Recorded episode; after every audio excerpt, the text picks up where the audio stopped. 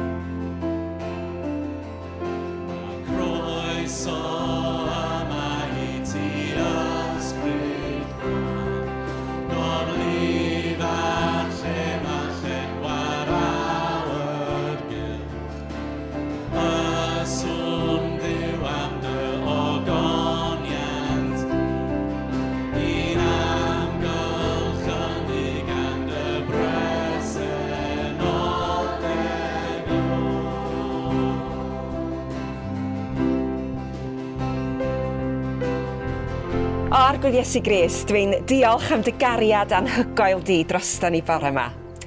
Dwi'n diolch arglwydd bod y gariad di fel yr hael yn llawyrchu dros yn gwlad ni, dros yn blywyda ni, a bod chdi ar waith yn ganol y dryswch a confusion y coronavirus. Arglwydd, um, lle mae pobl yn ar goll a wedi drysu ar glwydd, da ni'n gweddio bore yma bod y gariad di yn treiddio i fewn ar glwydd um, i'n, i fywyda pobl. Um, bod y gariad di ar waith yma yng Nghymru a bod chdi ar glwydd yn gweithio um, bod pobl yn gweld dy gariad di yn ganol uh, dryswch y byd. Mae dy air di yn deud arglwydd Iesu Grist, os da ni'n ceisio ti gyda'n holl galon arglwydd, y byddi di'n ffindio ni. A felly bore yma arglwydd Iesu Grist, fel da ni'n troi mewn gweddi gyda'n gilydd, da ni'n dygeisio di a'n holl galon yn ganol um, ar gyfon y coronavirus, a'r dryswch, a'r... Um, a'r ansicrwydd sydd yn mynd ymlaen yn y byd mae arglwydd. Da ni'n gweddio arglwydd y gwneud di ddod â dy sicrwydd di i fywyda pobl. Arglwydd mae hon yn frwydr ysbrydol, mae'n frwydr heriol, ond trwy droi ato ti arglwydd, mae yna sicrwydd yn dy air di, mae yna obaith yna ti. Ac yn arbennig bore yma arglwydd, dwi eisiau gweddio dros y rhai sydd yn galaru, y rhai sydd wedi colli rhai sy'n anwyl iddyn nhw, y teuluoedd arglwydd sydd yn syffro o dan law yr afiechyd um, diflas yma arglwydd. Dwi yn gweddio arglwydd y gwneud i dorri mewn i bywydau pobl a i cysuro nhw hefo mond y cysur ti yn gallu roed. Dwi yn diolch bod chdi'n agos at y toriad enwedig o galon. A dwi'n gallu gweddio yn hyderus bore yma ar gweiddi Iesu Grist um, bo chdi hefo y toriedig o galon.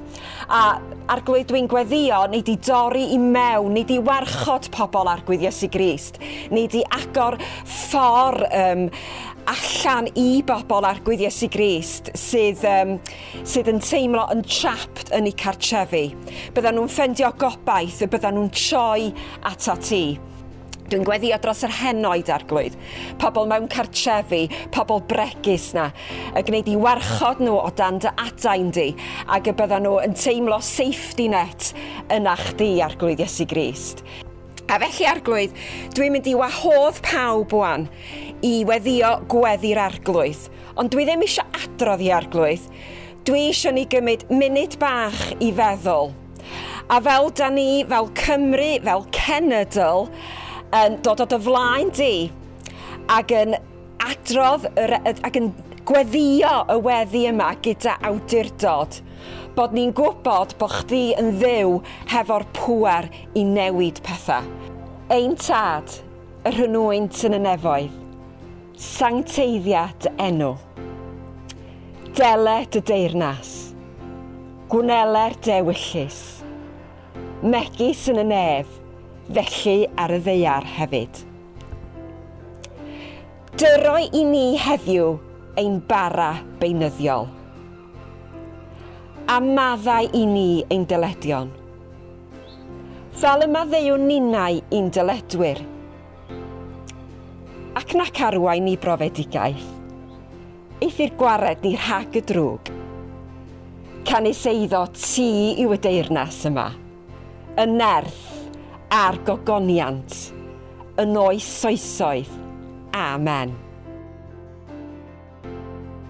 Hwyl fawr! Diolch yn fawr i chi gyd am rando a bendith ar eich ysnos chi. Does dim byd werth mwy a ddaw yn agos. Does dim cymhariaeth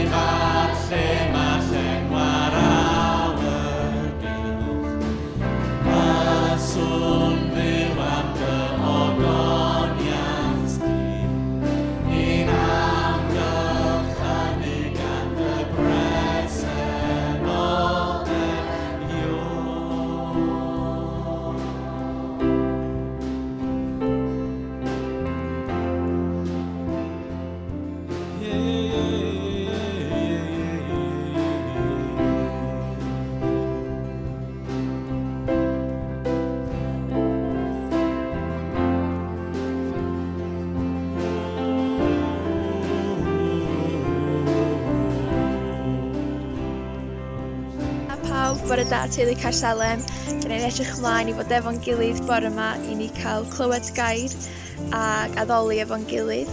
Um, bore yma mae gennym ni Sian Rhys yn pregethu a dwi'n siŵr bod lot fawr ohonoch chi'n nabod Sian ac yn caru Sian. Um, da ni yn teulu Carsalem yn caru hi lot fawr. Um, mae Sian yn gweithio yn Gaerdydd ar hyn o bryd yn gweithio i Evangelical Alliance ac yn gwneud gwaith amazing yn Gaerdydd a da ni'n methu hi lot fawr yn Gnarfon. Um, ond mae'n bleser bod ni'n gallu clywed be gen Ddew i ddeud bore yma trwy Sian.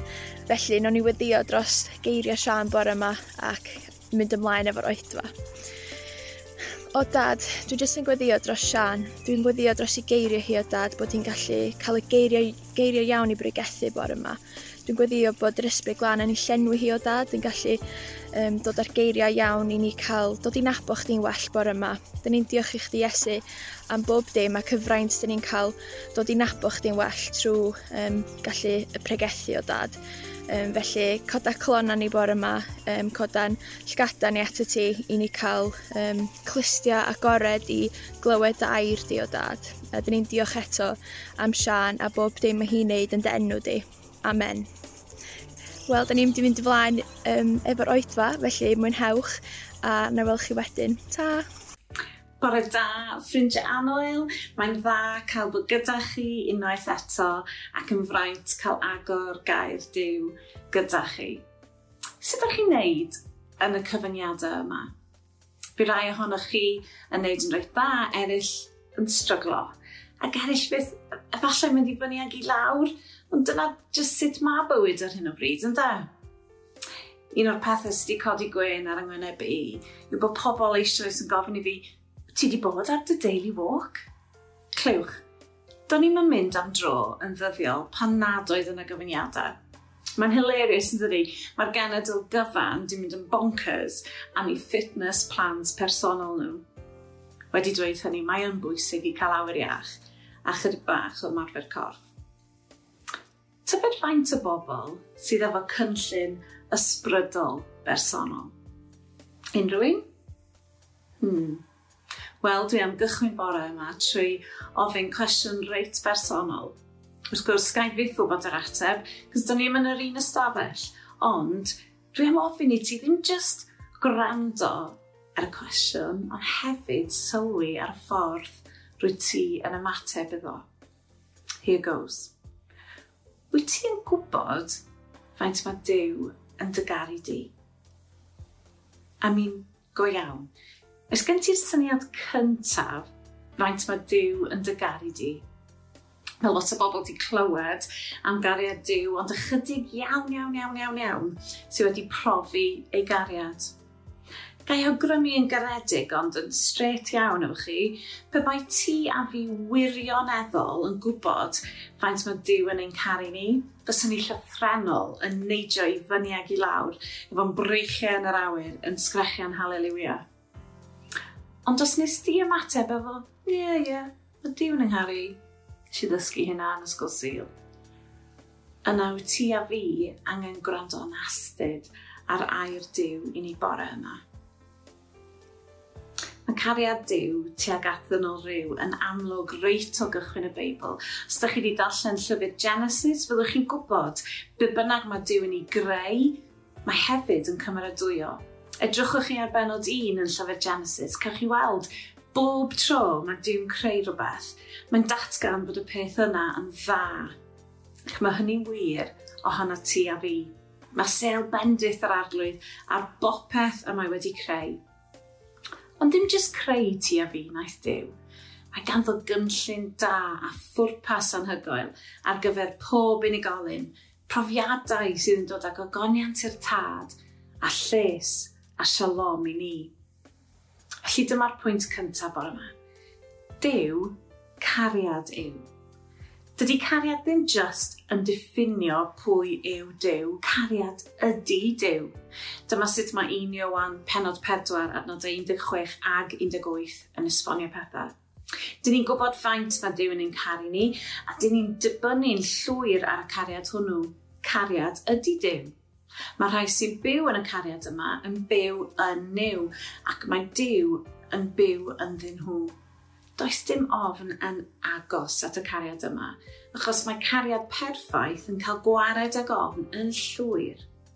Os ydyn ni'n ofnus, mae'n dangos ein bod ni'n disgwyl cael ein cosbi am bod ni ddim wedi cael ein meddiannu'n llwyr gan gariad Dyw.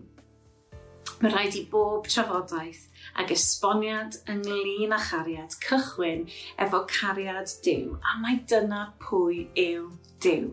Pe mae Dyw yn gorfod eistedd yng nghadair mastermind yn trafod beth i cariad, fos y Dyw mond yn gorfod pwyntio'i bus at ei hun. Cariad yw pwnc arbenigedd Dyw. Fel mae'r adnodau yna'n dweud, da ni'n cael y cyfle i fyw yn y cariad yna. A ddim jyst hynny, gallwn ni fod yn sicr na does yna unrhyw ofn yn agos at y cariad yna, achos mae cariad perffaith yn cael gwared y gofn yn llwyr. Dyn ni'n gorau bod yn ansicr o gariad Dyw, am fod cariad perffaith Dyw yn ein rhyddhau ni o'n ansicrwydd. Rwy ti a fi yn bwysig i ddew. Fe'n creuwyd ni ar gyfer cael ein caru gan y tad – yr unig reswm bod ni bodau dynol yn medru caru yn bod ni wedi cael yn creu yn elwedd Dyw. Fe'n creuwyd i brofi cariad Dyw ac iddo ef cael y cyfle i'n caru. Can dewch ar sut mae Effesiad un yn ei rhoi di. Hyd yn oed cyn i'r byd cael ei greu, cawson ni'n dewis ganddo i fod mewn perthynas â Meseia ac i fod yn lan a difau yn ei olwg yn ei gariad trefnod ddiw ymlaen llaw i ni gael ein mabwysiadu i'w deulu. Iesu y Myseia naeth hynny yn bosib. Roedd wrth ei fodd yn gwneud hynny. Clod i ddiw am yr heilioni anhygoel mae wedi dangos tuag ato ni, ei anreg i ni yn y mab mae'n ei garu. Mae hyn yn mind-blowing.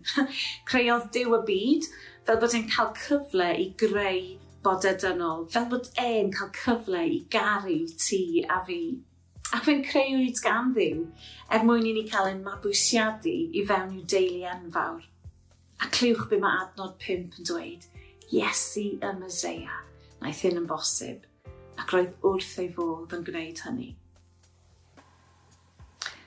Yn drydydd, fe'n gelwyr i ddeall fod cariad diw yn lletach, hirach, uwch ac yn ddyfnach na dim byd arall. Ffesiau 3. Dwi am i chi a phobl ddew i gyd ddeall mor arwythrol fawr ydy cariad y mysea. Mae'n lletach, hirach, uwch ac yn ddyfnach na dim byd arall. Dwi am i chi brofi y cariad hwnnw sy'n llawer rhy fawr i brofi yn llwyr er mwyn i chi gael eich llenwi a'r cwbl sy'n gan ddew ar eich cyfer. Mae ei gariad yn ddigon llydan i gyfro pob centimetr o'r ddeiar. Does na'r un lle ar y blaned lle nad yw cariad Dyw. Mae ei gariad yn ddigon hir i bara am byth. Rhywbeth ddigon tafladwy a dros dro yw cariad y byd yma. Ond nid felly mae cariad Dyw, mae hynny yn ddiddiwedd. Mae ei gariad yn uwch na'n holl beini ac yn ddyfnach nag unrhyw broblem na chamgymeriad dyna anhygoel yn de. Tybed pa mor wahanol fyddai'r lockdown yma pe bawn ni wir yn medru dweud bod ni ddim jyst yn ymwybodol o gariad Dyw, ond bod ni wedi profi ei gariad yn uniongyrchol. Dwch yn ôl yn rhan 2 i weld sut ddylswn ni ymateb i'r cariad. Wel, bore da. Uh, diolch fawr iawn um, i Neris, i Sian a Lowri am yn harwain i hyd yma. A diolch i'r um, bandiau hefyd sydd wedi bod yn arwain y gan. Nawr, yn y gan nesaf, mae gyda ni gan i chi y plant. Mae gyda ni gan am ferched sy'n dod o'r rhywle. So, yn ystod y gan, dwi eisiau chi feddwl o le mae'r merched yn dod. A mae'r clyw mynd i fod yn y gan. A wedyn dwi hefyd eisiau gwybod at bwy nath y merched redeg. Ac yn olaf, Dwi eisiau gwybod pwy na ddod nôl yn fyw. Felly mwynhewch, wrando, dawnsio a canu'r can a gewch chi weld sallwch chi ateb y tri cwestiwn yna. Tair merch o Galilea yn mynd i weld y beth A'n synnu canod angel a golau ar ei wedd Wel dyma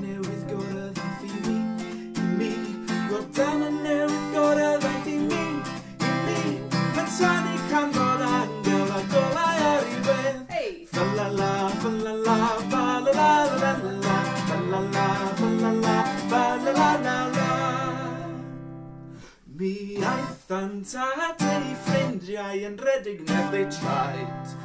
Ni chredan stori'r merched o'r gobaith a'i trwy waed. Wel dyma newydd gorau gyfranaeth i mi, i mi, wel dyma newydd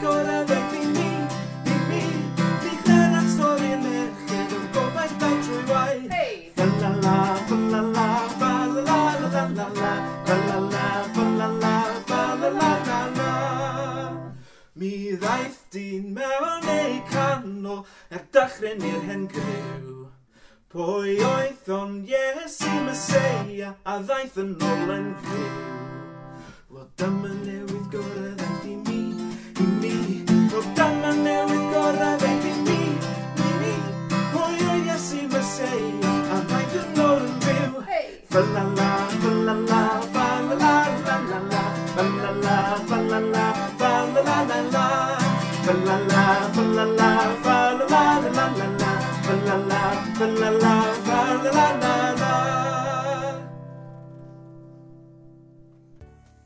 Wel, croeso yn ôl. Yn y rhan cyntaf, wnaethon ni edrych ar dri peth, sef yn gyntaf mae cariad ydy Dyw, yn ail fe'n creuwyd ar gyfer cael ein caru gan Dyw, wedyn yn drydydd fe'n gelwyr i ddeall bod cariad Dyw yn lletach, hirach, uwch ac yn ddyfnach na dim byd arall.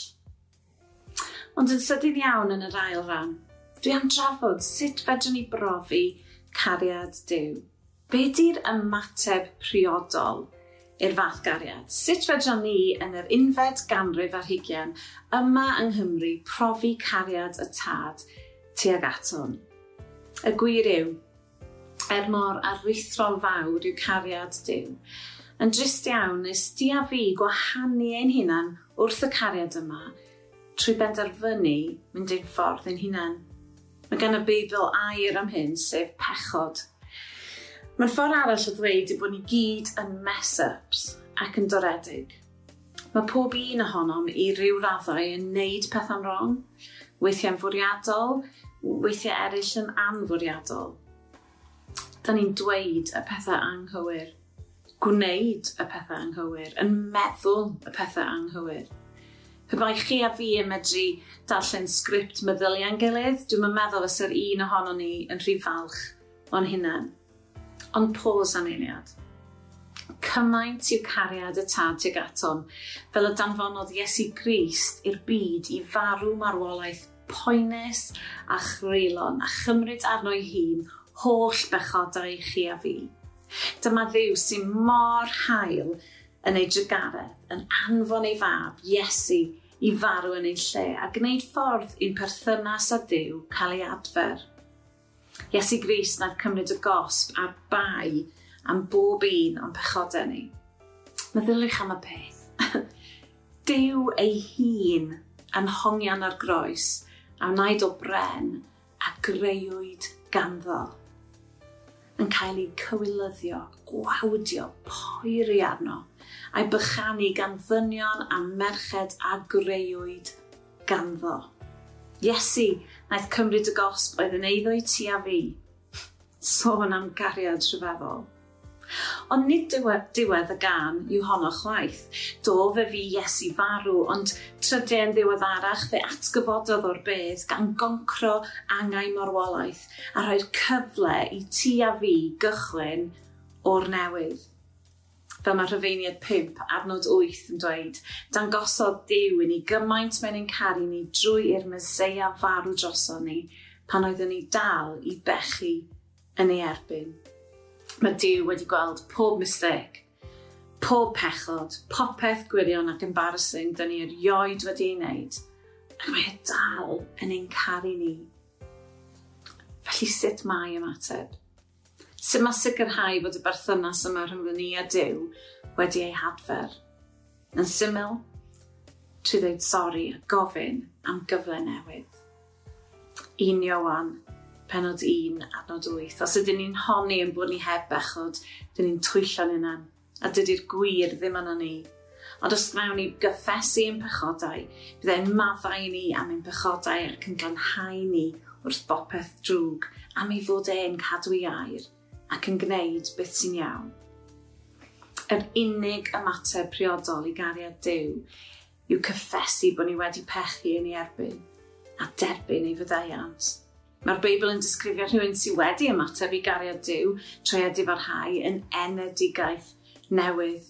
Meddai pan mae rhywun yn dod yn Gristion, mae wedi greu yn berson newydd. Mae'r hen drefn wedi mynd. Ydrychwch, mae bywyd newydd wedi cymryd ei le. Caswn ni'n creu unwaith. Ond os da ni am berthynas efo Dyw, da ni'n gorfod cael yn geni ddwywaith. Da ni gyd angen cychwyn o'r newydd. Mae cariad y tad tuag atom i'w ffeindio yn y ffaith fod Dyw am berthynas efo ti a fi.